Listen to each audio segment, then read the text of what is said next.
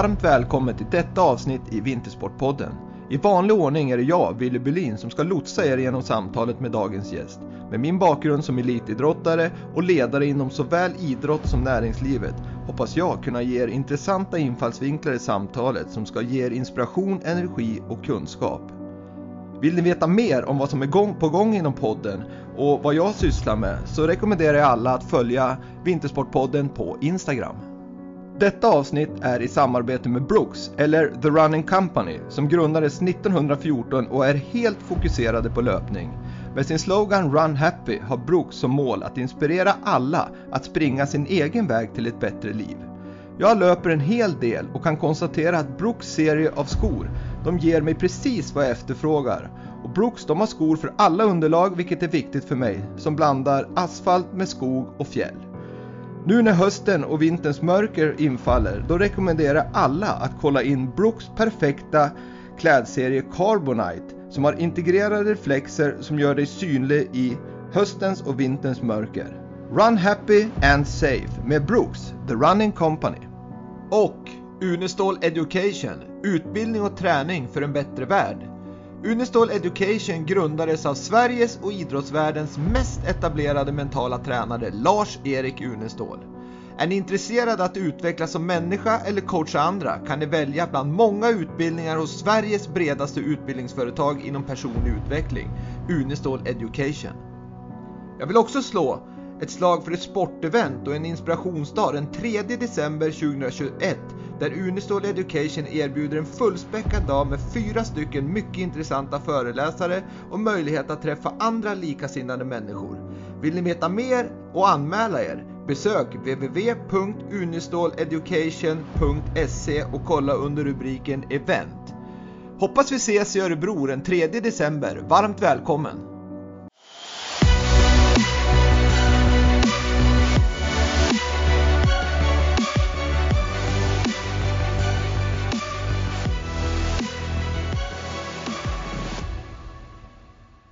Dagens gäst i Vintersportpodden, Svenska Hockeyförbundets generalsekreterare Johan Stark. Varmt välkommen till Vintersportpodden Johan. Tack så mycket, stort. Stort, stort att ha generalsekreteraren för ett så stort förbund som Hockeyförbundet med i Vintersportpodden och det ska bli roligt att prata med dig om ja, men hur svensk hockey mår, vart vi vad ni ska göra för att nå ännu större framgångar, få fler barn och ungdomar att hålla på med ishockey och göra det till den vision som ni, ni faktiskt har här i hockeyn vill om att ni ska vara eh, Sveriges mest engagerade idrott och, mm. och bäst i världen i ishockey på alla nivåer. Mm. Mm. Hur känns det Johan? Den skapar ambition. ja men en, en sån ambition måste man ha om man ska, om man ska ja, nå det, någonstans. Ja men det är ju sant. Alltså, men hockeyn är, alltså svensk ishockey är ju, liksom, vi är ju en extremt stark nation så jag tycker inte att det är konstigt att man har sätter så höga eh, mål. Så, så, det lär vi stå för. Ja men det tycker jag nog. Tittar man eh, liksom som bäst i världen där om man tar på, på elitnivån så, så har ni bevisat ganska nyligen att ni var det när ni tog två raka här VM-guld och sen har ni ju inte för så jättelänge sedan ett OS-guld och, och, eh, dessutom så är ni väl om man tittar på Sveriges mest engagerade idrott så är det väl, eh, då är ni ju nästan där. Det är väl fotboll och hockey som kanske är det som mm. engagerar mm. den större delen i alla fall. Ja, och så uppskattar jag att du inte tog upp senaste VM. Det var fint gjort av dig. ja, man får ju välja sina ord här. eh, nej men vad kul, vi, vi börjar bara lite lite kort här eh, så tänkte jag säga vem Johan Stark är. Sen får du utveckla det. Men Johan Stark är född 1973 i Ockelbo där han fortfarande bor med fru och tre barn. Han är egentligen basketspelare på elitnivå. Eh, tidigare basketspelare på elitnivå ska jag säga. Han började sin yrkeskarriär i näringslivet men sen så har du gått över till idrott och Ockelbo Basket. Sen var du ju eller klubbdirektör för Brynäs IF. Sen blev du generalsekreterare för basket, Svenska Basketförbundet och sen nu då sen ett år tillbaks ungefär så är du ju generalsekreterare för Svenska Hockeyförbundet det är en intressant resa där från näringsliv eh, till idrotten och basketen. Den känns ju helt okej. Okay. Men vad var det sen som fick dig att gå från basket till hockey? Det, det, var ju väldigt mycket basket. Som jag säger, jag är uppvuxen i den enda kommunen i Sverige där basketen är bevisligen störst om man tittar på lokstöd och sådana saker. Det var ju en, en enorm basket liksom boom där då i, i början på 80-talet där ja, 75 har jag hört av alla, alla ungdomar i mellan och högstadiet spelar basket. Så det var ju svårt att inte välja basket där och då. Och sen var ju basket min idrott eh, hela vägen upp till elitspelare och även som ungdomstränare vill jag säga. Jag tränar ungdomslag i över 30 år nu. Det, det har jag alltid fortsatt att göra. Eh, men sen vart det som du säger en annan karriärbana i näringslivet och vart faktiskt eh, lite överraskad och, och, samtidigt hemskt, hemskt glad när, när jag fick möjlighet att bli klubbdirektör i, i Brynäs. Då. Uppvuxen i Ockelbo är ju Brynäs laget nummer ett i, i, liksom, i hela Gästrikland. Så det, det, var ju enormt stort för mig och, och, lite läskigt faktiskt att gå över till, till, eh, till en annan idrott då, i en sån roll. Ja det förstår jag. Det är liksom för, för idrott, alla grenar är ju ganska stark kultur och att det sägs ju att man måste komma från, från leden så att säga om man ska kunna ja. liksom vara klubbdirektör eller förbundsdirektör eller vad man ja. nu än är. Men hur ser du på det? Liksom, eh, har det varit svårt för att komma in i nya sporter? Jag, jag, tycker verkligen inte det. För jag, jag, tror också det handlar om vilken roll man har. Jag hade ju aldrig varit aktuell för att vara sportchef eller eh, tränare eller, eller jobba med junior hockeyn ur det perspektivet utan en klubbdirektörsroll är ju mer liksom som att vara en verksamhetsansvarig. Det handlar kanske mer om att se till att det finns en struktur och skapa förutsättningar för de som är sakkunniga inom till exempel sporten att kunna göra ett bra arbete helt enkelt och skapa liksom en strukturerad och, och, och bra arbetsmiljö. Eh, däremot så, jag nämnde för dig Wille liksom lite grann innan i vårt försnack att Däremot tyckte jag nästan att när jag började Brynäs här efterhand att jag hade nästan för stor respekt för att det inte var min idrott lite grann. För många av frågorna är väldigt likadana. För vi pratar ju fortfarande liksom någonstans om att du ska få en grupp individer att prestera bra tillsammans för att nå bra resultat. Liksom. Och det är oavsett. Och lagidrotten är extremt lika på det sättet. Så jag, jag tycker att jag, kom, jag blev väldigt väl omhändertagen i Brynäs. Eh, och och eh, ångrar inte en sekund eh, den här resan. Det, det måste jag säga. Nej, jag, jag, förstår det, för det är ju väldigt fina uppdrag du har haft, liksom ända från Ockelbo Basket via Brynäs och Basketförbund och nu Hockeyförbundet. Men mm. om, du skulle, om vi börjar med liksom ledarskapet på, inom de olika idrotterna, basket och hockey, känner du att skiljer det sig åt om man tänker kulturen på ledarskap inom de olika sporterna?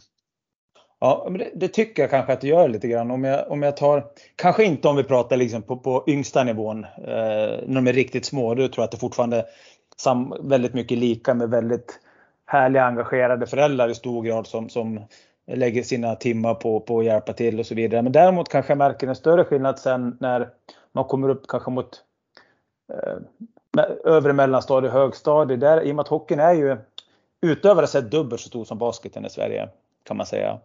Eh, I hockeyn kommer ju någonstans kanske prestations jag ska säga kravet, eller med prestationsförväntan kanske kommer lite tidigare i och med att det finns en eh, finns en väldigt tydlig elitväg i ishockey i Sverige. Alltså är, är du, når du hela vägen, då representerar du ju Tre Kronor och spelar i NHL. Eh, i, I basketen så är det bara två svenskar som har gått hela vägen och, och gått hela vägen till NBA. Så mm hockeykulturen är så stark i Sverige vilket gör att, att många som spelar hockey liksom och har förutsättningarna och drivet ser att det finns en framkomlig väg till, till att nå. Och det speglar också ledarskapet då tror jag också. Det innebär någonstans att hockeyn när man väl kommer upp i de åldrarna vrider upp det lite grann mer. Och det har alltid fascinerat mig med ishockeyn, även innan jag började jobba inom ishockeyn, att hockeyn gör ju någonting, någonting väldigt bra här liksom i sin spelarutveckling. Eh, Eh, det är klart att det är en kulturell fråga, liksom, att det här ligger liksom i, i svenskens DNA i socken. Men, det är det är någonting som görs väldigt rätt i spelutvecklingen.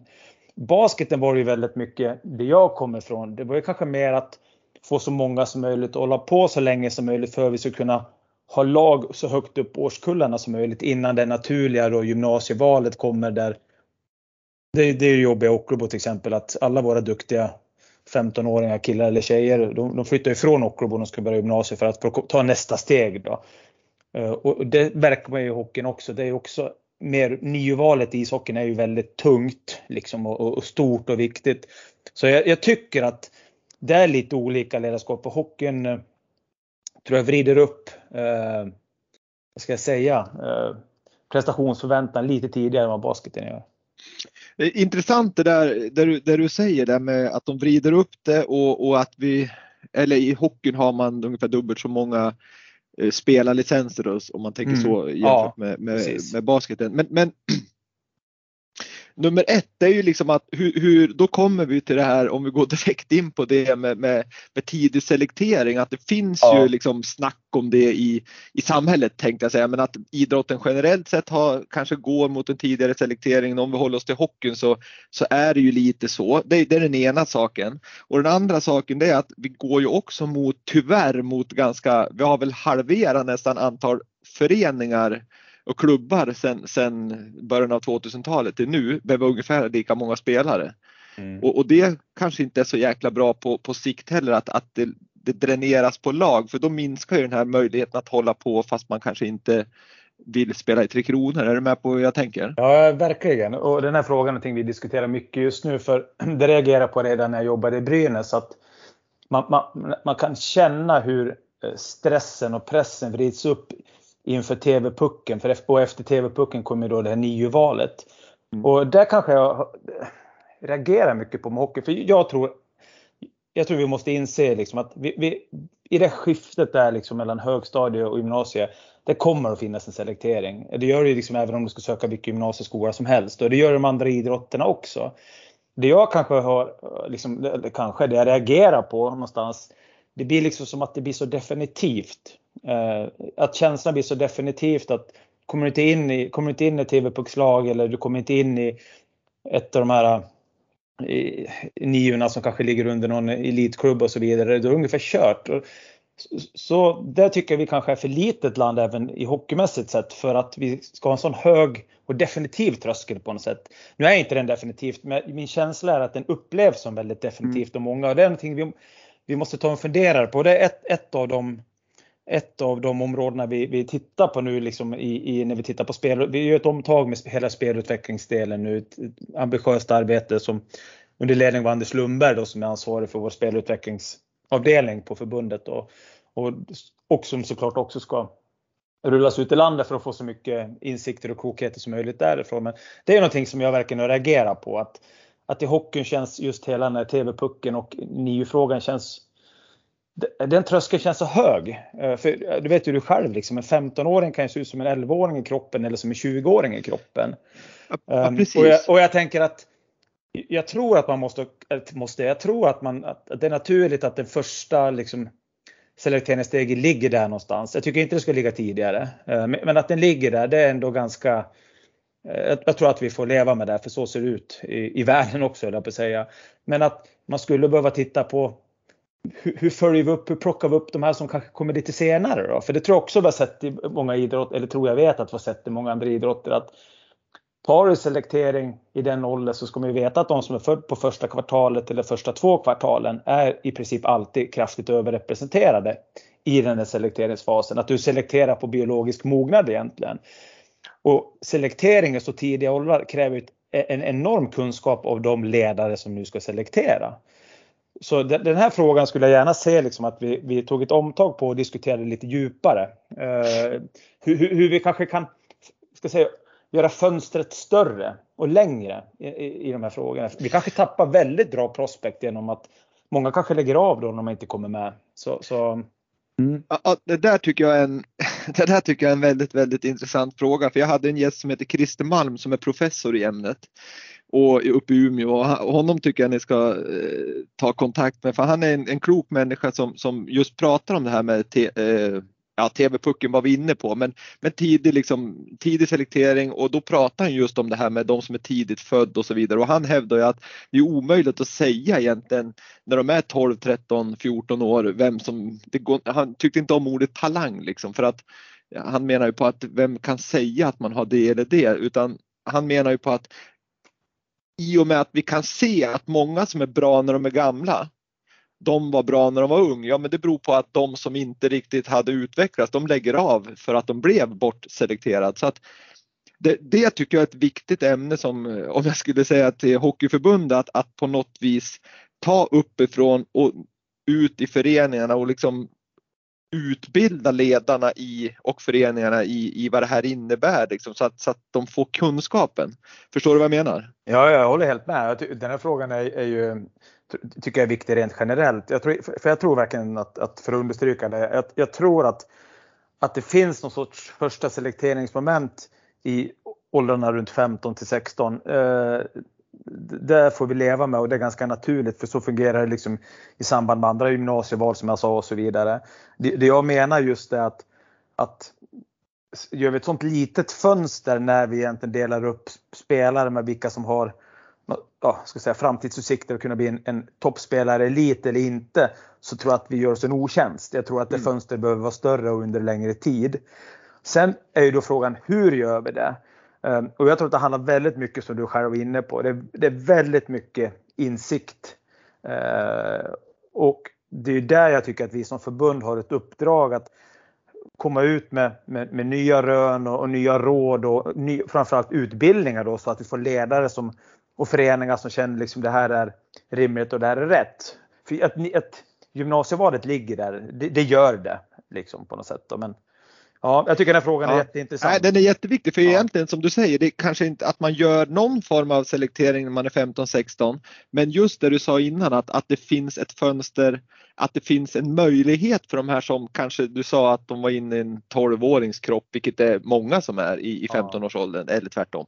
Men att, att man gör det längre, det tror jag det skulle kunna vara en väldigt bra grej att, att få, få till. Men, men sen är det ju svåra, det är ju att att ni kan säga det på förbundet, men hur får man ut det och att få klubbarna att tro på det här och föräldrarna att tro på det här så att inte de hetsar för att nu är det TV-pucken, det är bara nu det gäller. Liksom. Jag, jag tror ju att 100% av alla föräldrar eh, vill gott och jag, jag, jag är så naiv att jag tror att 100% av alla ledare och föreningar vill göra gott. Däremot, för mig handlar det om insikter hela tiden. Och det handlar ju också om vilket system har vi byggt upp som de har att verka i. Och det, är, det är utifrån där de agerar, förstår du vad jag menar? Mm. Eh, det, det, vi gjorde i basketen som jag tyckte var intressant eh, och jag kan inte ta någon ära för det för det fanns redan. Jag fick uppleva det med min äldsta son. Han var en av de som gick hela vägen till landslaget och då var det samma upplägg som det var i, med TV-pucken fast då hette det regionbasket där man då tog ut regionlag och då var det fyra regioner och de fyra regionerna spelades en turnering och utifrån den turneringen togs det första U15-anslaget upp, ut i basketen. Men det man gjorde så bra då, att hade man även ett U17-år och ett U19-år med samma koncept och då var spelare inbjudna som då inte hade blivit uttagna. Eh, Eh, då fick de chans att komma tillbaka och visa upp sig igen över två år i den här åldern. Det, det kan ju vara en helt annan människa som kommer både mognadsmässigt och, och, fysiskt och så vidare och allting. Så det var liksom att det här var inte definitivt. Det är klart det blev tårar där också när man inte kom med. Men det var inte liksom ändstationen. Och det ska ju inte vara ishockey heller. Det ska finnas mera chanser. Men jag, jag, tror att det vi har att göra utifrån ett förbundsperspektiv det är någonstans att bara eh, jag ska säga, ta, ta fram nya insikter, rulla ut dem, låta framförallt rörelsen vara med och tycka och tänka om dem, för vi är en demokratisk rörelse och ta in dem och tvätta igen. Prata med våra elitutvecklingsmiljöer, hur de ser på det, för de är extremt viktiga i det här. De, oftast är det de större klubbarna eh, som jobbar med dem på, på gymnasieåldern. Och någonstans att vi tvättar genom rörelsen och det är det jag försökte säga. Det arbetet startar vi upp nu. Eh, det, det, är ett av de större projekten vi kommer att driva nu de närmsta åren. Ja, det är grymt, kul, att, kul att höra och att, att just man har det där att få med rörelsen, för det är det det handlar om i, i ja, din ja, roll ja, och, och, förbundets roll, att få med sig liksom den stora rörelsen, för det, det, är ju jätteviktigt. Men när vi är inne på, när vi är inne just på, på ja, ungdomshockeyn då, så, så vet vi ju liksom att vi har pratat om tidig, tidig selektering och utslagning, men ett, ett, bra exempel på det, som vi behöver inte prata vidare om det, men det är ju faktiskt Jonas Rebko som du nämnde mm. tidigare, för han blev ju typ utslagen som 15-åring, ja, men han krigade vidare och, och blev liksom en av två NBA-stjärnor. Ja, det stämmer. Han kom inte med i, i det här regionlaget och han var, han var ju sent pubertalt utvecklad mm. och det tas, har ju tagits upp gång på gång på gång. Ehm, från, från basketen just för att visa på att eh, vi, vi kan göra fel. Och jag har ju själv suttit med i samtal. Jag var ju med till och med som ledare några år i den här selekteringsverksamheten och då hade vi direkt feedback sista dagen på läger till spelarna om de kom vidare eller om de gick vidare eller inte gick vidare. Och vi var väldigt noga med att säga så här att vi har inte facit. Vi är inte säkra på att vi har gjort rätt. För det tror jag också att det är viktigt att säga. Vem kan avgöra om det här är rätt eller inte? Och då blir det, blir det ännu viktigare, kände, kände jag och där vi var då, att då måste vi dem, visa dem att det finns fler dörrar längre fram. Eh, men, men jag tror utmaningen i hockeyn är just det att NIU-frågan är ju um, det är viktigt att komma in på, på, ett, på ett NIU som, som ja, bedriver en bra spelarutveckling och det, det, vet föräldrar och det vet spelarna också. Så, men ja, ett jobb att göra helt klart. Ja, det är bra. Det är bra. Eh, om, om vi tittar då på liksom för att få, få den här bredden och få många in i Tre Kronors hockeyskola för att sen liksom, det, vi vet ju statistiskt sett att alla idrotter tappar ju spelare, tyvärr, eller föreningsmedlemmar redan vid typ 11 års ålder så börjar det ju dala liksom. Och ju större bas vi har desto liksom större chans har vi att få en större bredd. Men jag tror att en viktig del för att få in spelare som är i tidig ålder och, och då är ju föräldrarna en viktig del att få med sig på, på banan. Men, ja. och, och, där är det ju, tycker jag i alla fall, jag ska inte generalisera över hela Sverige och alla föreningar, men, men jag har hört många föreningar som har problem med just att hockeyn har lite hård attityd, jargongen är lite hård. Mm. Och du vet ju på plan där att det är, liksom, det, det är lite hårda ord och sådär. Mm. Hur, hur, hur, jobbar man på det? Är det någonting man ser som ett problem eller, eller hur, hur ser ni på det från förbundshåll? Ja, men det tror jag vi måste vara ärliga och säga att, att, att eh, jag, jag säger så här, det, det, är två perspektiv. Eh, det är någonting jag reagerade på innan jag kom in i hockeyn som jag både kunna titta med lite med basketögon med lite avundsjuka på hockeyn. Just att man eh, på, på något sätt var, var duktiga på att tävla. Kanske tidigare än vad vi var. Alltså tävlingen var viktig och du skapade liksom en miljö där det var viktigt att vinna och det var liksom, prestationen var viktig och allting med, med det så kommer, kan det också lätt komma en baksida då. Och oftast handlar ju det om då kanske vuxna som inte riktigt förstår vad deras roll är i den här spelarens utvecklingsfas. För, för, för, mig, för mig ska det inte, det ska inte behöva vara en motsats mellan att vi skapar eh, eh, liksom ett utvecklingsprogram där vi får unga killar och tjejer att vilja ta i, att vilja våga tävla och, och någonstans verkligen våga vara den spelaren som avgör eller och så vidare. Och samtidigt att vi har ledare då som kanske förstår att det handlar ju. Jag tycker det här är en bra sak. Jag, jag hoppar lite nu. Mm. För mig är det så här att vi jobbar ju inte med lagutveckling. Vi, vi, jobbar, vi jobbar med, det måste man förstå, tycker jag liksom är en vikt, för mig är det en viktig skillnad. Du, du kan aldrig utveckla liksom ett kollektiv utan det du gör du utvecklar ett gäng individer som är ett kollektiv där och då. Så det innebär ju någonstans att som ledare är det tufft att vara ledare. Du kan inte behandla alla likadant.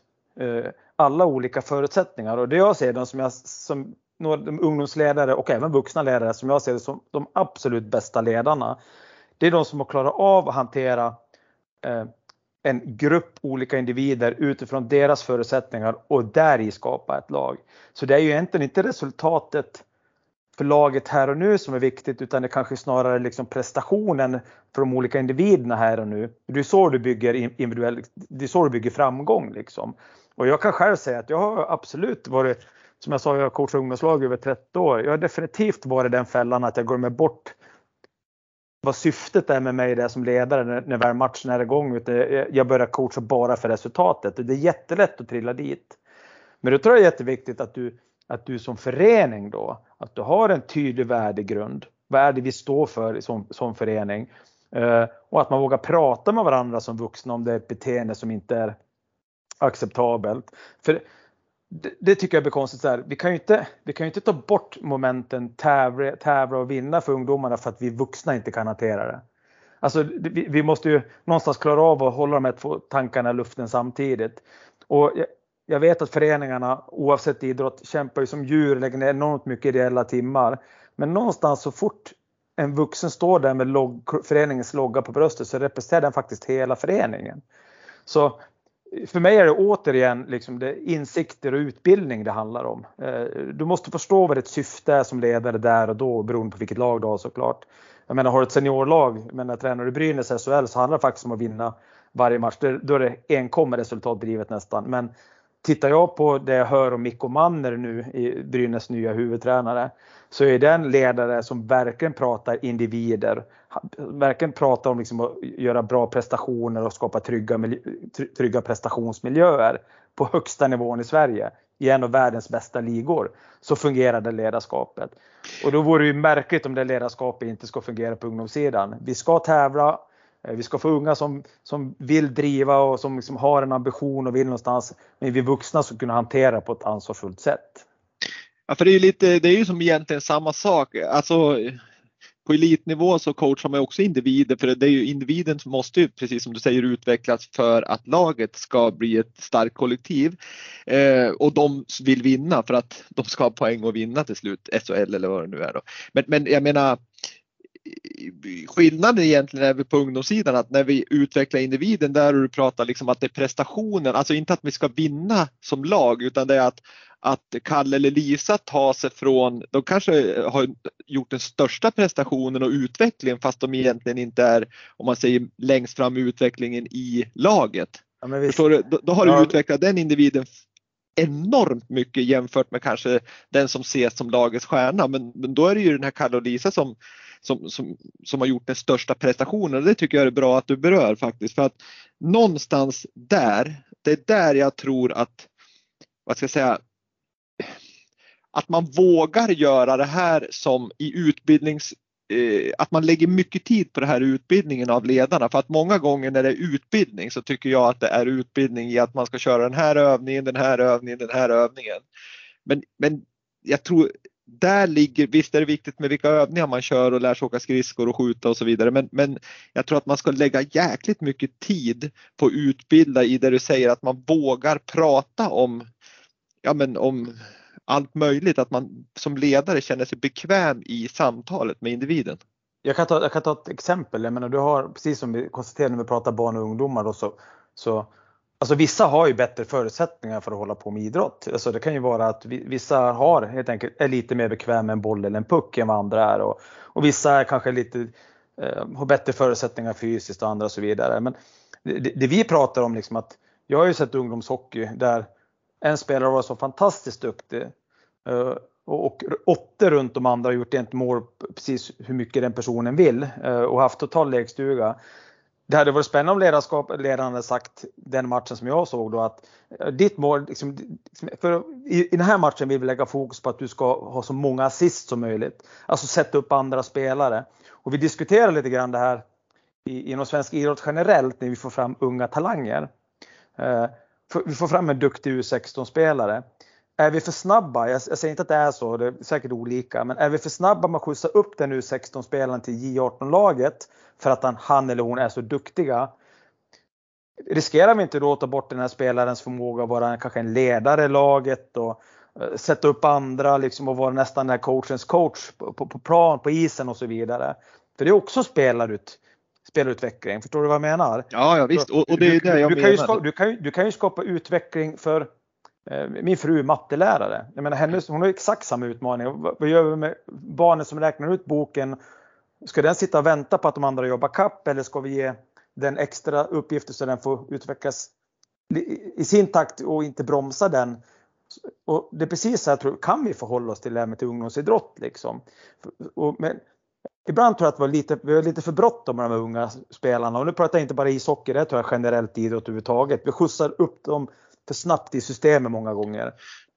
Men sen tror jag att det, det, det, du är inne på lite grann här också tror jag, det är ju att, att man måste se vad är utveckling? För utveckling är ju inte bara att göra mål eller åka snabbast framåt. För, för den här personen som gör det kanske har stora utmaningar med det, vi säger med det mentala, att inte, att inte ja. alla de bitarna är på plats. Ja. ja. men då måste, för att man till syvende och sist ska hamna i Tre Kronor, då ja. vet vi att de bitarna måste ju också vara på plats. Så att det, det är där jag menar att man måste jobba med de lite mjukare delarna också, inte bara om man åker fort och skjuter hårt.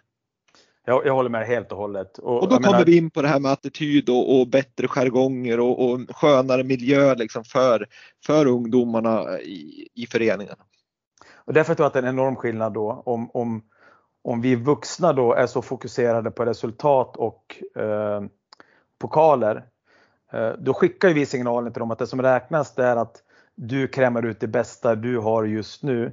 Eh, fokuserar vi istället på prestationen, vad är det vi vill uppnå med den här matchen eller den här säsongen eller eh, det kan, det kan ju faktiskt vara helt andra, helt andra inriktningar än, än vad eh, Alltså jag har varit med om ledare som till och med som coachar bort matchen.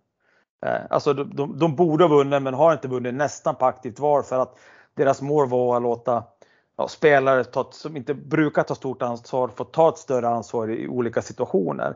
Mm. Och, men jag menar, jag är så väldigt försiktig med att komma med pekpinnar för jag skulle önska liksom mer att man kanske i en, vi pratar oftast i en förening då, att man kanske har en mer sån värderingsbaserad diskussion, vilken klubb vill vi vara och vad vill vi stå för. Men samtidigt ska vi inte, ska liksom aldrig, liksom, ska aldrig vara på bekostnad av att vi ska ha en kvalitativ hög träning där spelarna får så bra förutsättningar som möjligt för att lyckas. Men jag, jag, jag, tror, jag ser inte att det är en konflikt, jag gör inte det. Nej, men, det måste, det... Det måste, men det måste ju vara de vuxna som, som äger frågan. Och ledarna, uh, inte föräldrarna. Nej, precis. precis. det är också en, en, skillnad och där har vi det här med tävlingen som vi sa att, att tävla är ju inget konstigt. Det tror jag alla ungar vet hur det har gått och, och så vidare och de känner sig ganska bekväma med det och jag tror att det finns en utveckling att, att man ska kunna förlora och lära sig att hantera det också. Men, ja, men jag tror att många gånger är det ju vi vuxna som ställer till det och därför får man göra det är inte bara hockeyn, det är ju liksom i alpint och det är längdskidor och det är friidrott så får man inte heller mäta resultaten när de är under en viss ålder. Så, att... Nej, så tänker jag så här liksom att du, du kan som ungdomsledare uh, ställa förväntningar på prestation just utifrån att man, man som, som grupp kommer överens om vissa beteenden, att vi, vi, vi jobbar alltid hem, vi, vi tar alltid, jag gör alltid mitt bästa och så vidare. Och så kan man prata utifrån det. Men kan man bara hålla sig till den enkla 80-20 regeln som jag tycker är superenkel. Du får, det innebär liksom att du kan ge alltså feedback som inte är ja, konstruktiv feedback då, att du tillrättavisar eller ger feedback, det här, det här måste du göra bättre och så vidare. Men att du tänker på samtidigt att du förstärker i 80% Det innebär att du är, så fort de gör någonting rätt och bra så förstärker du det. Det innebär att efter varje träning och varje match så går spelarna hem som en vinnare och då skapar du en väldigt trygg miljö upplever jag. Um, uh, och det innebär att trygga spelare är spelare som presterar bättre och då spelar det ingen roll om du är 35 eller om du är 15. Trygga spelare presterar bättre. Så det är det här som jag tror liksom är som du kallar för den mjuka delen av ledarskapet och jag tycker, ja det kan man ju säga att det är, men det här är kanske det fundamentala ledarskapet mm. tycker jag. Ja exakt, exakt. Ja, ja men absolut. Och det andra ja. är någon form av tränarskap. Det, ja, om jag får säga så. Ja, bra sagt. Bra ja. Nej men eh, intressanta diskussioner och, och och nu är vi inne på det här med liksom hur man tänker och sådär. Jag, jag, hade ju en, en eh, gammal storspelare i, i både SHL och, och NHL här som, som dessvärre hamnade lite snett vad det gäller det mentala och fick lite ätstörningar och så vidare och det var ju Jonathan Hedström. Ja, precis. Och, och där pratar vi mycket liksom om att, att vad det gäller träning, om man säger vanlig teknikträning, skridskoåkning och, och, och, och de där bitarna, då är det ganska lätt för en ledare att, att gå in och prata om det. Men, men jag tror att många ledare, det är inte bara hockeyn utan generellt sett och det är inte bara inom idrotten utan även på arbetsplatsen så har många svårt att prata om det här, hur, hur man mår och, och hur man känner och ja. om det är någonting som är fel och hur man kan hjälpa till och så vidare. Hur, hur liksom hur ser du på den biten? Hur skulle man kunna liksom bli bättre på det generellt sett? Liksom, om vi tar hockeyn då, som, som är ditt liksom, område just nu. Och ta hand om de här, för det är ju många idrottare som mår kanske halvdåligt. Jo, men då handlar det först och främst att det, om jag ska våga öppna mig för dig så, så, måste jag i grund och botten känna att jag tror att du bryr dig om mig eh, som person. Så, så, du, du, så all, jag tror liksom det är min känsla, framförallt i arbetslivet efter alla år man har jobbat nu. Jag tror att du kan hantera i princip vilken motgång som helst om du vet att den andra personen i grund och botten tycker om dig som den du är. Då, då skulle du kunna ge mig egentligen nästan vilken feedback som helst. För jag vet att du i grund och botten tycker om mig. Och det tror jag är exakt likadant när vi pratar en elitidrottare och allting. För även fast du jobbar i en extremt hög prestations, på, på en prestationsmiljö eh, där resultaten egentligen bedömer om du är lyckad eller inte. Den grupp människor eller den organisation som klarar av att ha den här tryggheten i eh, varandra. De kan ta sig igenom sådana här liksom, slump. I basket säger man så här, it's a, it's a game of runs. Det innebär att under en viss period då ett, kan ett lag göra 10-12 poäng i rad.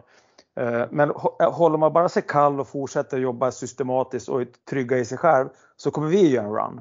Och det här tycker jag man ser liksom när lag som hamnar extrem motgång.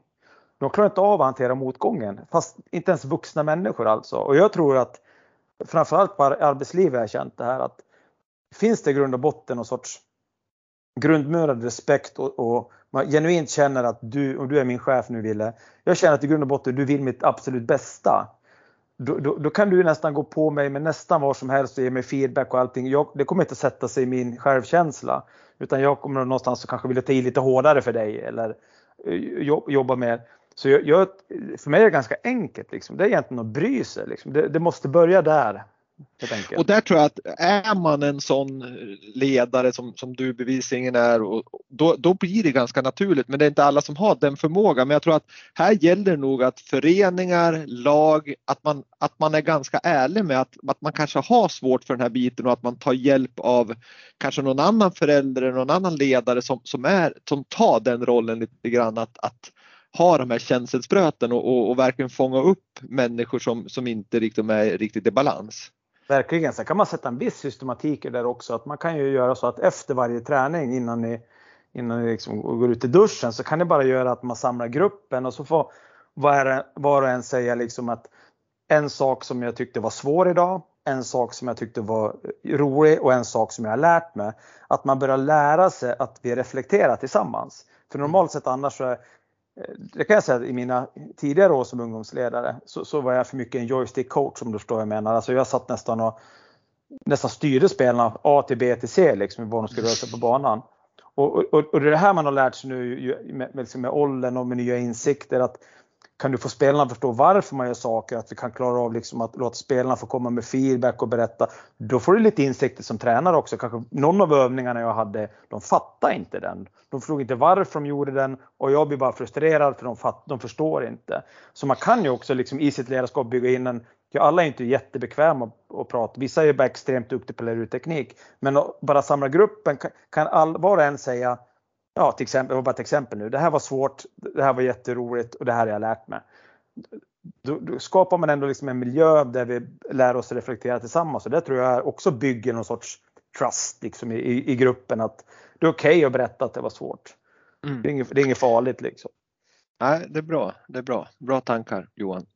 Eh, nu har vi pratat mycket om ledarskap och attityder och grupp och så vidare. Men om vi mm. tittar på, på hockeyn som idrott då lite. Mm. Jag tänker på tillgängligheten så, så finns det ju liksom eh, man kan se det från olika perspektiv. Alltså man kan se det ekonomiskt och man kan se det liksom i olika delar av Sverige och så vidare. Mm. Men hur är din syn på hockeyns tillgänglighet? Och, ja, utifrån de här perspektiven då med, med olika liksom bakgrunder, olika eller ekonomiskt och så vidare. Ja.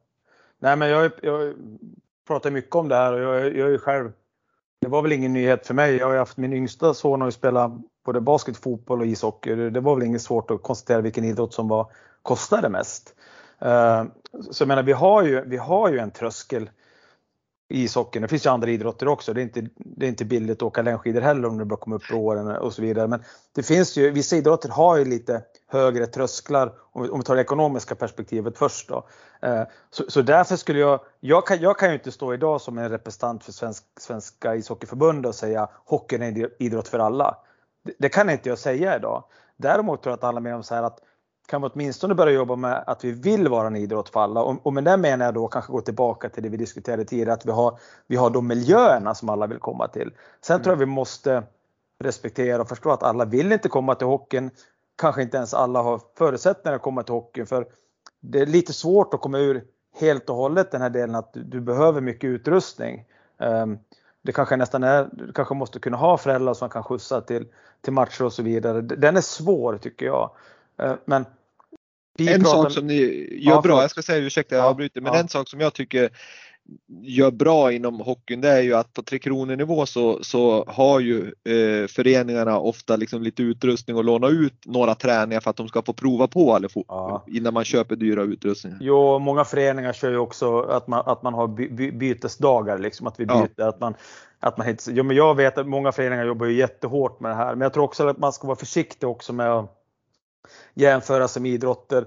där det ja, krävs ett par skor och ett par shorts.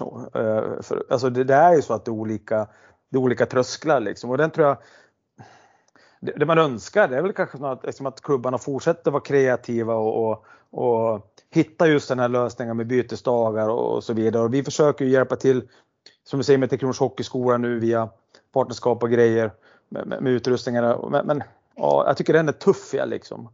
Ja, men den är, det är i alla fall det, det är ett bra tänk att det finns ett sådant partnerskap där man inte bara, om jag får säga, tänker på pengar, inte tre kronor, utan man tänker på ett partnerskap där, där det kan finnas utrustningar för att, för att unga det, ja, visst, ska få Och det gör ju vissa föreningar vet jag också, liksom, som, är, som har de förutsättningarna också. Så, men jag, upplever att nog finns det en vilja till det alltid. Men jag tror också man ska väl säga, för den andra delen som vi är inne på, att ishockey är en vintersport Eh, att ishockeyn är så stark i Sverige, jämför med basketen, det blir så logiskt för mig eh, att mm. jämföra med basketen. I, basketen är ju ja, topp två i världen i antal utövare tror jag, eller tre. Där ligger det, det är volleyboll, fotboll, basket.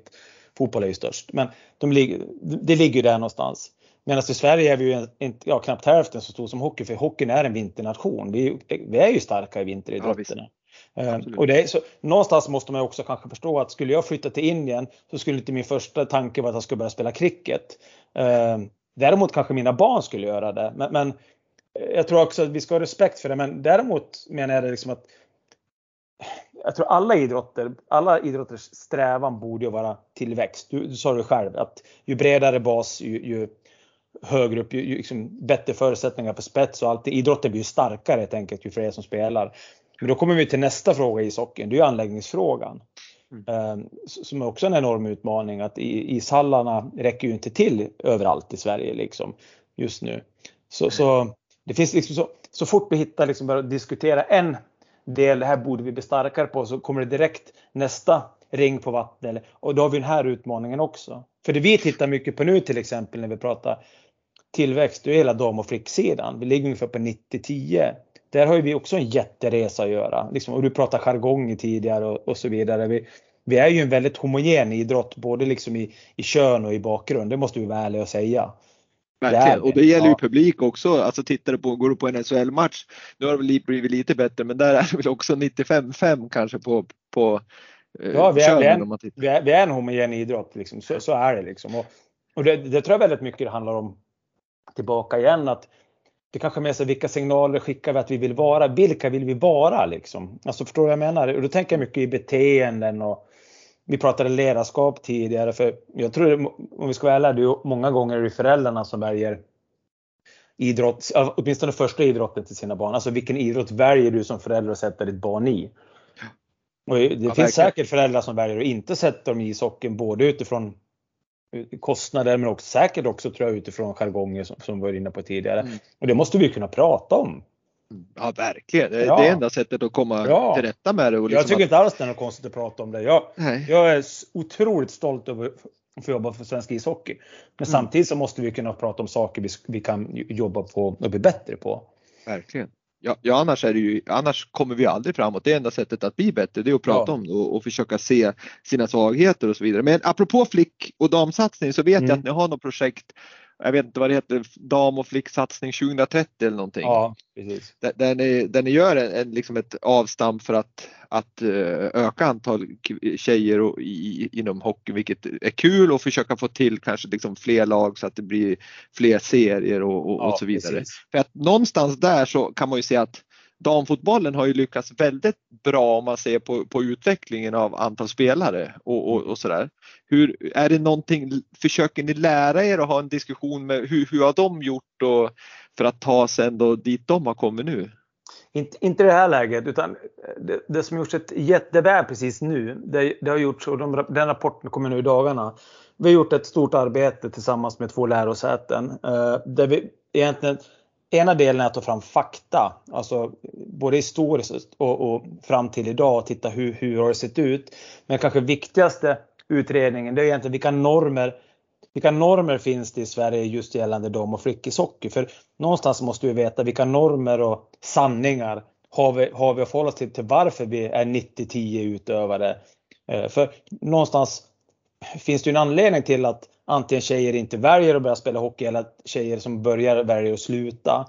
Och sen då utifrån de här, säga, den här utvärderingen eller kunskapsinhämtningen som vi kommer att publicera och det kommer inte vara någon smickrande läsning för hockeyn. För vi, vi har inte gjort ett tillräckligt bra arbete på det här. Det, liksom ingen kan säga att vi har gjort det för det har vi inte.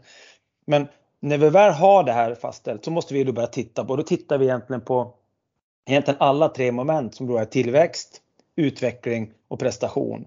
Alltså egentligen från att du, du kliver in i det första skäret i Kronors Hockeyskola tills den dagen du ja, antingen spelar motionshockey eller du spelar STHL och damkronorna. Men hur, hur ser den resan ut? Och det jag reagerar på det är just att utvecklingstrappan på, på dam och tjejsidan, de stegen är många färre och högre än vad det är på killsidan. I killsidan är, finns det en väldigt fin utvecklingstrappa i svensk hockey ändå, liksom att du kan steg för steg utvecklas om du, om du liksom kan gå den linjen och hela vägen upp. I, i, i damliga, eller damhockeyn är det inte lika så, utan där tar vi ju upp unga spelare väldigt tidigt upp i seniorsammanhang för att kunna få lag. Och därav har vi också då, i och med att vi har så låg population i damhockeyn så innebär det att vi behöver ha många importer i vår högsta, i vår högsta serie, våra två högsta serier, ja. för att kunna få ihop lag. Så, men vi måste ju börja med tillväxt, men vi kan ju inte bara jobba med tillväxt utan det handlar mer om ambitionen då att vi vill att alla föreningar ska ha flicklag. Vi vill ha juniorserier på tjejsidan så att du kan ta de här stegen kanske mer hållbar takt än vad det är idag. Eh, mm. Och det innebär också och det innebär då också attityder hos de här starka personerna som finns i Hockeysverige idag. Liksom att, jag tror att vi, vi bygga insikt först. Det kommer, tror jag vi kommer att göra nu när vi rullar ut eh, de här rapporterna. Och sen är det bara att bygga strategier. Och vi vill göra det långsiktigt för det här kommer inte gå fort. Och det sista jag ska säga om det här också då, innan jag tappar andan. Det är det att vi, vi behöver inte titta exakt hur det ser ut i killhockeyn. Jag, jag tycker att för vi jobbar ju med hela rörelsen här. Vi har med oss både distrikt och föreningar, vi har med oss landslagspersoner. Vi har med oss spelarrepresentanter, vi har med oss lärosäten. Vi försöker verkligen även här få hela rörelsen att bli delaktiga i det här arbetet nu och ta fram strategierna. Vi behöver inte rita kartan exakt likadan som det är på killsidan. Där vi är idag. Så jag tror det här kommer att landa i några kortsiktiga ganska aktiva beslut men framförallt tror jag att det kommer att handla om långsiktiga eh, tydliga strategier och då handlar det för mig någonstans att se till att, att, att vi som förbund frigör resurser för att kunna göra det här arbetet. Då.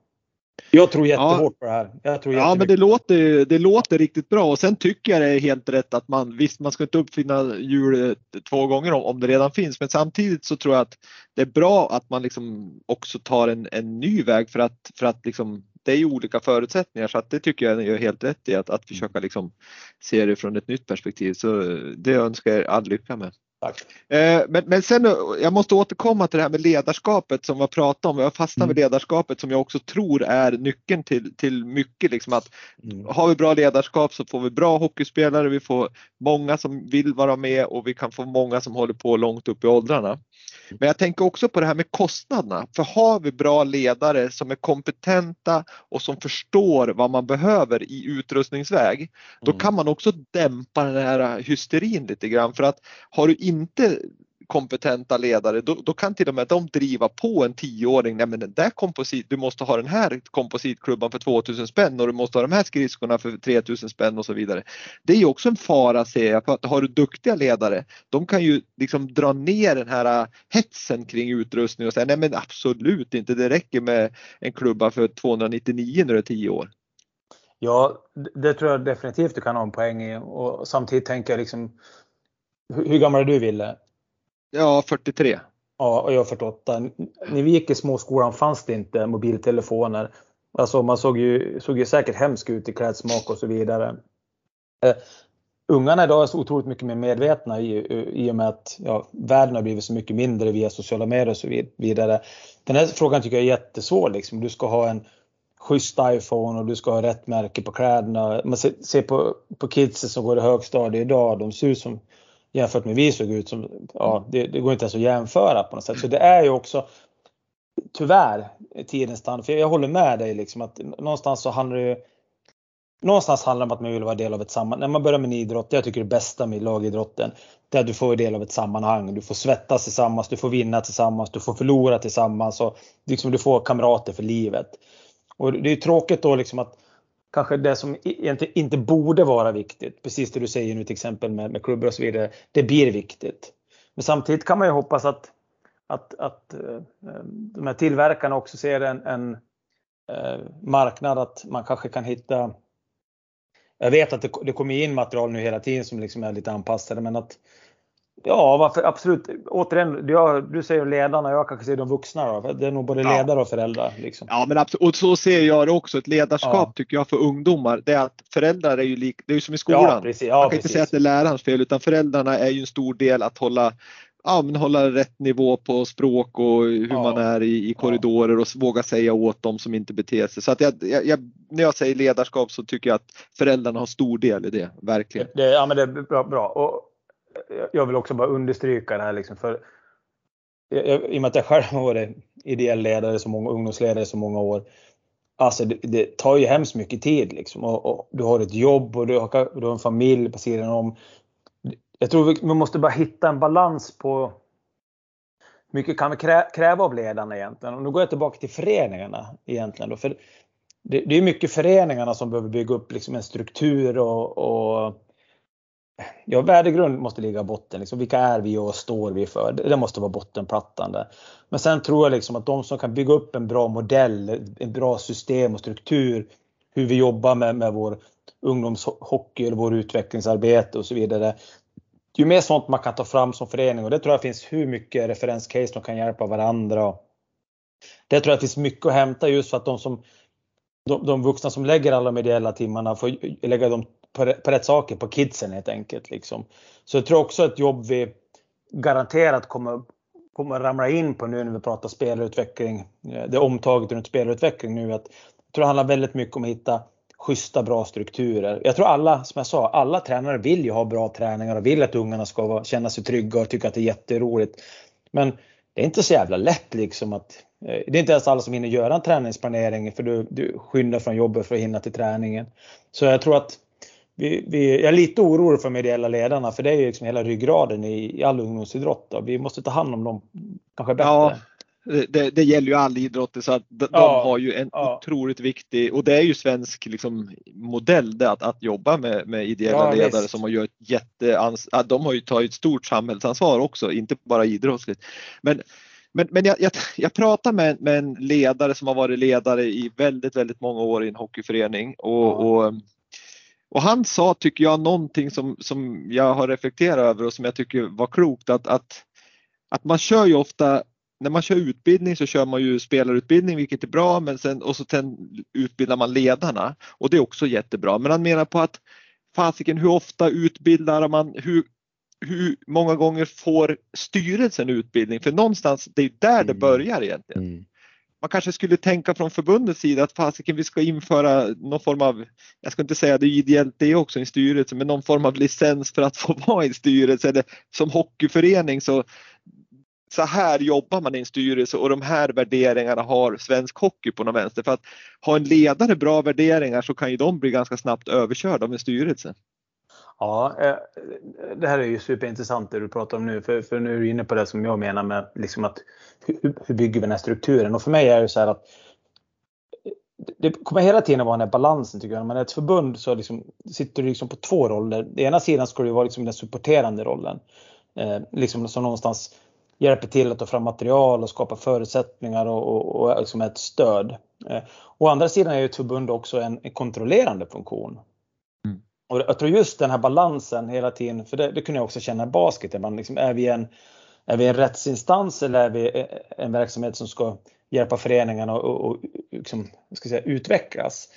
Och det, tror jag, det är också någonting vi diskuterar ganska mycket nu. Jag är otroligt nöjd med, vi har en utvecklingsansvarig nu som heter Anders Wahlström som kommer från RF tidigare han är också inne på den här linjen att det handlar kanske mer om att hjälpa föreningarna ge dem bra verktyg, precis det du är inne på. Men sen har vi faktiskt också RFCSU som jobbar mycket med, med styrelseutbildningar och, och vi har också eh, våra 22 hockeydistrikt som också är resurser. Och nu implementerar vi också hockeykontorsmodellen i Sverige eh, där vi då kommer liksom att ska säga, kraftsamla distrikten till regionala hockeykontor som ska jobba nära oss som förbund. Så jag hoppas på att vi kan bli vassare på det. För jag, jag, jag, tror på det du säger nämligen. Jag tror mm. bara att vi, vi behöver hitta formatet. Jag önskar att det inte ska vara så jävla mycket liksom pekpinnar eller här, konsekvenser utan det ska mer vara så här att det här är för bra för att inte använda på något sätt. Ja men exakt, det är ju, det är ju en jävla skillnad för då kommer man ju till det är då vi får någon kreativitet tror jag. Än liksom ja, pekpinnar, då är det ju bara folk som blir rädda att jobba så vill man inte vara med där.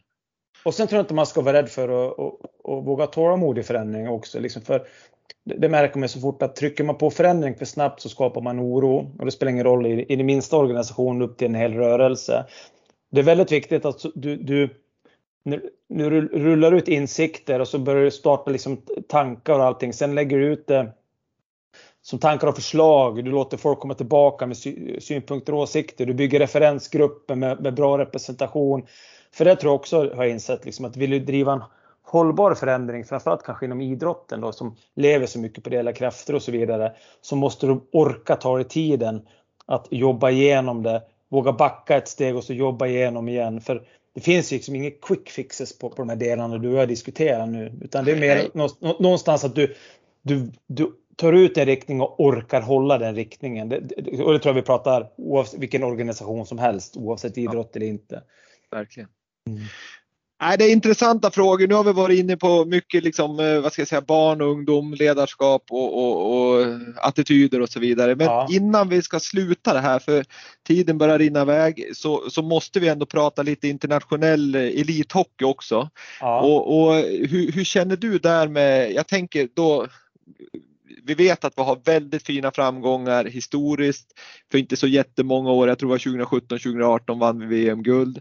Men sen ja, hade vi ju och fjolåret som var, ja jag vet inte ens, jag vet inte hur jag ska uttrycka mig i, i prestationsmässigt. Ja. Det var ju inte bra på något vis. Hur, hur, känner du som eh, generalsekreterare liksom att komma in i hockeyn då? Var det, är det liksom, finns det någon oro för vart, vart svensk hockey är på elitnivå? Ja men liksom både och tycker jag. För det, det blir, ja, det blir ofta så här när det blir ett, misslyckande som senaste VM var. Eh, då blir det ju media på det, självklart. Och, och, och, vi får kritik, självklart, med all rätt. Det var, det var inte godkänt. Men sen liksom när det lägger sig så måste man börja saker tänka, vad var det som hände? Och då måste man titta på först det mikroperspektivet. Vad händer just nu i det här mästerskapet med den här gruppen? Och då har vi gjort en, en utvärdering som vi liksom har, har gått ut, en generell bild, vad var det som hände? Men sen då när vi tittar i det större perspektivet, då vill vi sitta ner och prata med eh, egentligen både liksom spelarna som är ute internationellt, alltså som är i, i NHL och som är i KHL och så vidare. Eh, är, attraktiv, landslaget attraktivt? Orkar ni komma till landslaget? Så nu var det till exempel så att nu kommer spela nu en pandemisäsong. Hade suttit i, i bubblor under hela säsongen och så skulle vi ta dem till en ny bubbla nu i, i Riga. Alla var inte så sugna på det. Eh, och så man måste sätta in perspektiv också. Men sen pratar vi också ändå om det här liksom att för det här går ihop med den här spelutvecklingen jag pratade om tidigare. Vi, vi kommer nu i det arbetet, för det ligger helt i, i linje med det, med det arbete vi jobbar med spelutveckling då. Att vi kommer att prata med extremt många personer. Vi har haft en första sittning med SHL sportchefen. Vi kommer att prata med, vi kommer att prata med scouter. Vi, vi kommer att prata med ska säga, föreningarna som bedriver, som har kanske framförallt då våra elitutvecklingsmiljöer. För nu pratar vi om spetsen, nu, nu pratar mm. vi landslag. Ja. Egentligen då. Och vi måste diskutera de unga spelarnas roller här i Sverige i sina SHL-klubbar, deras speltid, liksom det jag sa tidigare. Eh, är vi för snabba upp ett system eller är vi inte det? Får vi fram lika mycket ska säga, nischade, spetsiga spelare eller är vi, blir vi mera får fram väldigt duktiga generalister. Då hade vi nu 23 draftade sist. Vi får ju fram spelare. Det vi behöver diskutera, får vi fram spelare Eh, som ligger i linje med, med, med de spelarna de, de konkurrerande nationerna får, får, fram. Och i så fall måste, är det någonting vi behöver revidera, ta ett omtag på. Och det är ju här som mina sakkunniga tillsammans med sakkunniga ute i Sverige behöver jobba med, med då, eh, ska säga, referenspersoner även internationellt. Då. Så det här arbetet är jag otroligt nyfiken på. Det här är det roligaste med mitt jobb tycker jag, att få jobba med, med, med, liksom med utvecklingsfrågor. Och, så jag, jag, har ju inget svar idag och det vore förmätet om jag skulle ha något svar med det. Men frågan är ju högst aktuell för det handlar ju någonstans om att ja, först bibehålla en position och sen kanske ta positionen. Men som man säger så här, är vi oroliga? Nej, men insikten finns att liksom, vi behöver ta ett omtag. Och det tycker jag ändå liksom att det tycker jag är något provocerande för det tycker jag får bekräftat vem jag än pratar med ute i Hockeysverige att det är dags att ta ett omtag nu. Jobbar vi rätt? Vad är det vi behöver skruva på och så vidare. Och för mig är det mer egentligen bara se till att de personer hos mig som är ansvariga för det får rätt resurser för att kunna göra det arbetet. Det är ju det som blir mitt uppdrag. Och det tycker jag det, det, det, här har vi varit inne på tidigare också, att, att, att man vågar gå och liksom göra den här utvärderingen och, och verkligen säga att Nej, men det här har vi gjort fel eller det här mm. har vi mm. gjort bra och så sen mm. utifrån det gör man om och gör man rätt. Liksom, att ni nu startar en ny liksom, satsning eller vad man nu ska säga. Mm. Så, så, så, det är ju helt, helt liksom, rätt för man skulle kunna stoppa huvudsanden och säga att det här är kanon. Då, så, och för att man inte vill liksom till, tillkännage att man kanske har, har jobbat på något felaktigt sätt. Men, Nej, men allting utvecklas. Jag menar den uh, junior togs fram 2002 tror jag har ju varit en enorm framgångsfaktor för Sverige. Jag menar det är hur många nationer som helst som avundsjukt att titta på Sveriges talangutvecklingsprogram. Men, men som med allting annat så behöver ju saker, saker förnyas och eh, Eh, omvärderas och tittas på. Det är ju där vi känner nu att nu tar vi ett rejält omtag och gör det här. Men återigen, det kan inte bara vara förbundet som gör det. Det är ute i föreningarna verkstaden sker. Alltså landslagen för mig, det är ju en spegling, om vi pratar alla landslag, det är ju en spegling av verksamheten som föregås ute i föreningarna. Så att föreningarna måste vara delaktiga i det här arbetet för att det ska bli bra. Ja men absolut, det är ju som att jämföra ett företag att vdn sitter och ska göra allt. Ja. Jag menar, han, den, vdn är ju för, kanske liksom, ja, men någon form av, om man säger en övergripande projektledare som ska få eh, organisationen att nå våra mål. Och exakt så har ju du egentligen. Du ska ju, förbundet ska ju hålla ihop någon form av utveckling som sen alla måste vara delta, delta i.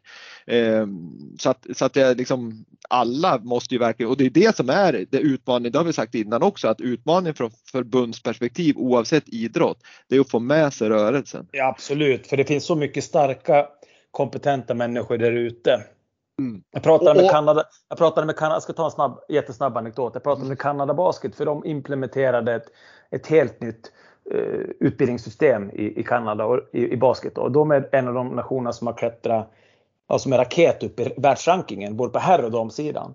Uh, och vi var och lyssnade på dem i London, hade ett föredrag och då var min natur, och då var jag fortfarande på basket och min fråga var så här att, men hur fick ni med er alla? Nej, det fick vi inte, sa han. Men alla fick chansen att vara med. Och det är det här jag menar att vi vill verkligen gå in med att det här ska vara att vi vill driva det här att alla ska vara med. Men sen så någonstans måste man ju bestämma sig att okej, okay, det här är vägen att gå. Då lär man också trycka på knappen och köra. Men ambitionen är att så många som möjligt ska få komma in med sina kloka ord. För det finns enormt mycket kompetens ute i Hockeysverige. Det är ju inget snack. Nej men precis och allt engagemang och så gäller det att rikta alla de där krafterna åt, åt samma håll till syvende och sist så att inte ja. någon drar till Luleå och någon drar till Ängelholm. Så, att, så att, nej, men det, det, är helt rätt och, och, det är kul att höra att, att, att det där jobbet pågår och att ni har den insikten att, att någonting ska göras för att fortsätta utveckla svensk hockey och, och vara den supernation som vi ändå är i, i internationellt. Eh, sen är det ju alltid intressant det här med, vi ska inte prata om det så mycket, men tillgång till spelare. Där, där är det ju liksom, jag misstänker att det är ju, jag vet att Garpenlöv när han jobbade liksom som, som kontaktperson mot NHL, han lyckas väl väldigt bra han där att få med sig NHL-spelarna till, till landslaget. De hade det jättetufft inför VM i Riga eh, med, mm. med eh, sent och, och jag menar det, det, det, jag tycker, det jag tyckte om med ledarstaben att de var väldigt självkritiska för det de själv ser som liksom det eh, kanske största misstag om man ska säga att de tog in, tog in nio spelare efter sista träningsmatchen. Och där i Riga var det så mycket tuffa restriktioner så det fanns du fick egentligen bara vara ha din träning och sen fick du ha din lunch. Sen fick du inte träffas mer i gruppen. Så de fick ju inte ihop gruppen. Och har man hållit på med idrott, lagidrott tidigare, kommer det in fel i en turnering. Eh, jag menar som oss då förlora mot Danmark och sen helt dominera mot, mot eh, Belarus och ändå förlora. Att det då sprider sig liksom en oro i gruppen. Det är, det är ganska naturligt liksom. Men sen, sen blir det alltid så här att på seniornivå så bedöms du på resultatet, vilket jag tycker är helt rätt. Men, men ingen kan säga att vi liksom sticker huvudet i sanden utan vi vill ju förstå varför blev det så här. Och framförallt vad tar ledarstaben med sig till, till OS nu då? Liksom, att, varför, liksom, vad, vad var det vi gjorde rätt och vad gjorde vi fel? För det ingen pratar om det var ju faktiskt att de är ytterst nära att vända på kutting efter den här katastrofstarten. Ehm, jag menar, vi vann stort mot Schweiz, vi var, vi var bara några minuter från att slå Ryssland. Ehm, så, så jag menar. Ja, det var nära. Ja, men jag tycker någonstans det blir så obalanserat ibland. Men jag fattar också det för att vi bedöms på resultatet och på seniornivå, vilket vi ska göra. Och det här var ett misslyckande, punkt liksom. Ja, så är det. Det är ja. nya tag som gäller. Nya OS, tag. Då blir det ju en annan turnering också med förhoppningsvis många duktiga spelare från internationella ligor. Ja, precis. Hör du, vi har pratat en timme nu och, och eh, jag, har, jag har egentligen två frågor kvar. Innan de två frågorna så ska jag också bara säga att, att nu har vi ju Sverige fått VM 2025 som, ja. en, som en av några nationer tror jag. Ehm, vi och Danmark. Ja precis och, och, och, det är ju liksom någonting som man verkligen kan knyta upp Hockey-Sverige, inte bara landslag och Tre Kronor utan man mm. kan ju, där kan man också få med sig liksom ungdomsföreningar och, och föreningar och SHL och allihopa liksom och knyta an mot ett och samma mål. Liksom. Det, det, måste ju ändå kännas som härligt i den här satsningen som ni gör nu. Ja det är inte, det är inte bara VM 25, det, det är ju kronan på verket utan jag ser egentligen börjar resan nu i november, eh, OS-kval i Luleå för damerna. I januari 2022 så har vi eh, U18 dam eh, VM i Linköping Mjölby. 2022 firar också svensk ishockey 100 år. 2024 har vi junior-VM i Göteborg och 2025 har vi stora VM i Stockholm. Ja, det måste ju kännas fantastiskt att vara generalsekreterare med den där, liksom, de här fyra åren framför sig och, och den utvecklingspotential liksom, som finns ja. och det driv ni har som jag upplever att du har Johan. Så det måste ju vara drömmen det här. Ja, det är drömmen och samtidigt ett extremt stort ansvar. Jag är så otroligt tacksam att jag har eh, så, så, mycket grymma kollegor runt om mig. För det, det, tänker man för mycket på det så blir man ju, kan man ju få lite ont i magen. Men det, det känns fantastiskt liksom. Och, ja, vi känns så fokuserade liksom och, och, det känns verkligen som att vi ligger bra till i planeringen med allting också. Så ja, det känns bara, bara entusiasmerande. Ja, det är grymt att höra, härligt. Hockeyn har en ljus framtid hör jag. Ja, nu har jag en, en, en lyssnarfråga från en herre som heter Erik som, som undrar över en sak som, som jag tycker är högst relevant. Mm. Och vi får försöka hålla oss till ett lite kortare svar här tror jag, för den här kan vi ju bara ha en podd om, bara det här ämnet. Men Aha. jag tycker det är en bra fråga och det gäller hockeykamper, alltså sådana här sommarkamper som, som olika aktörer bedriver. Ja. Och, och där är det ju frågan egentligen varför har de blivit så stora att det är så många ungdomar som söker sig dit? Är det för att man söker kunskap utanför föreningarna, det vill säga att föreningarna inte har den här spetskunskapen? Och hur skulle man kunna göra så att, att man får in den kunskapen i föreningarna? Förstår ja, det, du frågan? Ja, jag förstår frågan och jag tycker det är en otroligt bra fråga. För jag har ju konstaterat sen jag började här att det är en het, en het potatis i, i, i Hockeysverige. Ena delen, ett, är så här att, att med fria aktörerna finns. Det tror jag att vi måste förhålla oss till. Eh, vi kan inte förbjuda verksamheter. Eh, jag har egentligen inget problem med fria aktörer. Det måste finnas ett eget val som individ och som familj och så vidare om vad man vill lägga pengar på. Så länge jag inte går in liksom och påverkar föreningarnas verksamhet. Vi ska skydda våra föreningar, det tycker jag är väldigt viktigt. Sen det är klart, jag, jag, jag har ju svårt att inte reflektera över varför den här branschen börjar bli så stor och stark. Och har det att göra med just den här eh, stressen eller viljan att utvecklas eh, snabbt. Liksom. Att det, för behovet verkar uppenbart finnas då. Eh, I och, med att, eh, I och med att den här verksamheten har dykt upp. Den är inte alls lika stor i, i basket i Sverige till exempel. Utan på något sätt så verkar det finnas en, en, jag ska säga, en mark i hockeyn för att ha den här verksamheten. Självklart kan föreningar och distrikt starta upp camper på somrarna eh, för att jobba vidare. Men jag tycker också man ska tänka på att eh, inom idrott har ju väl all forskning bevisat att det är bra att hålla på med fler idrotter tänker jag. Så jag ser kanske hellre att man i, i lite yngre år kanske gör, håller på med en annan idrott under den andra delen av, av som inte är säsong för hockey. Liksom. Men jag, jag kan bara jag konstatera att verksamheten finns och det är klart att det finns möjlighet för föreningar och distrikt att sätta upp camper och så vidare. Men, men jag ser ju inte liksom att vi kan ju inte förbjuda fria aktörer utan det, det är en marknad, den finns och det, den eh, tycker folk att man vill eh, eller ja, familjer och vuxna att man vill lägga pengarna på det här så, så då måste det vara, det vara deras val tänker jag. Sen är det ju intressant just frågeställningen att, att man, för det verkar ju vara att föräldrar framförallt och tror att man skickar in ungen i, i, på en camp och så finns det någon så här superkompetens där som gör att de kommer åka framåt och bakåt mycket snabbare och skjuta dubbelt så hårt. Men, men om det nu är så, om, det vet vi ju inte, om verkligheten är så att kompetensen finns i de fria aktörerna. Det, då skulle det vara intressant, hur, hur jobbar de då? Jobbar föreningarna fel eller hur kan vi föra över kunskapen in i föreningarna? Det är där någonstans eller tror man bara att det är så här? Det är det som är svårt. Jag tror, jag tror att det är väldigt olika. Här är jag jätteförsiktig med att generalisera. Jag är helt övertygad om att det finns camper som är fantastiska och kan lyfta fram framförallt skillcamper och så vidare för att förstärka det föreningarna gör. För det är ju så i föreningarna så har det kanske begränsat med istid. Det är jättesvårt att avgöra det. Men jag är också säker på ibland så tror jag att vi generellt kanske försöker påskynda utvecklingen lite för mycket. Jag tror inte vi ska vara så stressade över det där. Men jag förstår också varför det finns. Men vi pratade om det tidigare då, du och jag med den, den här som jag upplever stressen runt NIU-valet och så vidare och komma in på rätt NIU och så vidare. Det är klart att det bygger upp en, en förväntan. Men sen tror jag också det handlar om, det kan ju vara så enkelt som att det finns faktiskt barn som är så otroligt sålla på basket så att de vill hålla på med, eller hockey, att de vill hålla på med hockey året runt och då är de här campen ett alternativ för att kunna förlänga sin säsong. Då. Så jag tror bara att man ska vara försiktig med att generalisera. Men ja, det, det finns Nej, säkert det, olika, olika svar på det. Jag är själv fascinerad över att det är en så stark verksamhet. Jag är fascinerad. Ja, sen har vi ett annat problem och det, det ska jag bara säga här. Det är ju att nu vet jag inte om man har reglerat det, men tidigare så var det så att föreningar, alltså hockeyförbund hade ju regler att man inte fick åka utomlands för, alltså som förening innan man var 12 år eller vad det var. Mm. Eh, men, men, eh, men som, eh, som företag, alltså som camp, då kunde du åka till Ryssland när du var 12 år. Ja, det är det här som blir liksom det, det, det, utmaningen liksom när man pratar den här Select-verksamheten och Select-lagen. Det är ju någonting som är de, de ligger ju inte under förbundets Nej. paraply. De liksom ligger ju inte med den där kedjan.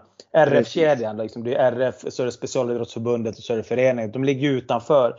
Och det är ju som, jag kan inte se åt, jag kan inte se åt Kalle att han inte får åka till Kroatien på solsemester. Eller, då kan jag inte heller säga att han inte får åka på skillcamps. Den här är ju svår den här tycker jag. Ja, för, för, någonstans du är inne på det fria valet liksom, som du gör som ja, familj helt enkelt. Liksom. Jag, jag, tycker den är, den är svår den här frågan.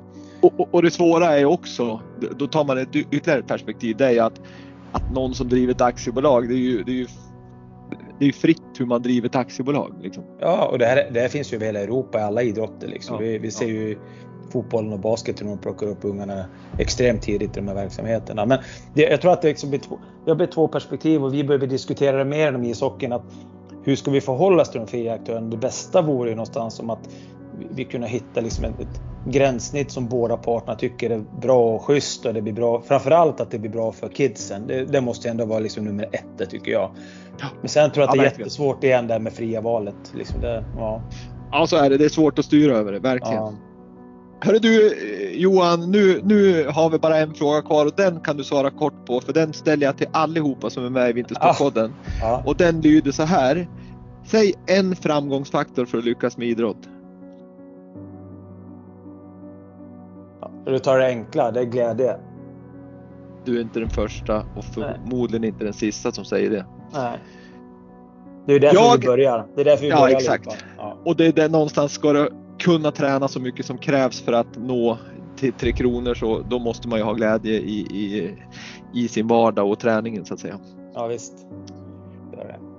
Johan, ett stort tack för att du har delat med dig av din kompetens och dina tankar och Vintersportpodden och jag önskar dig all lycka och svensk hockey all lycka de kommande åren som, som du beskrev med massa roliga aktiviteter och utveckling all lycka till med det och jag hoppas att vi får följa både barn, ungdomar och Tre Kronor väg framåt här med glädje. Stort tack själv. Det var jättetrevligt att vara med. Ja, det, var, det var kul. Roliga diskussioner. Grymt. Ha det bra. Tack Samma. och tack. Hej hej. hej, hej.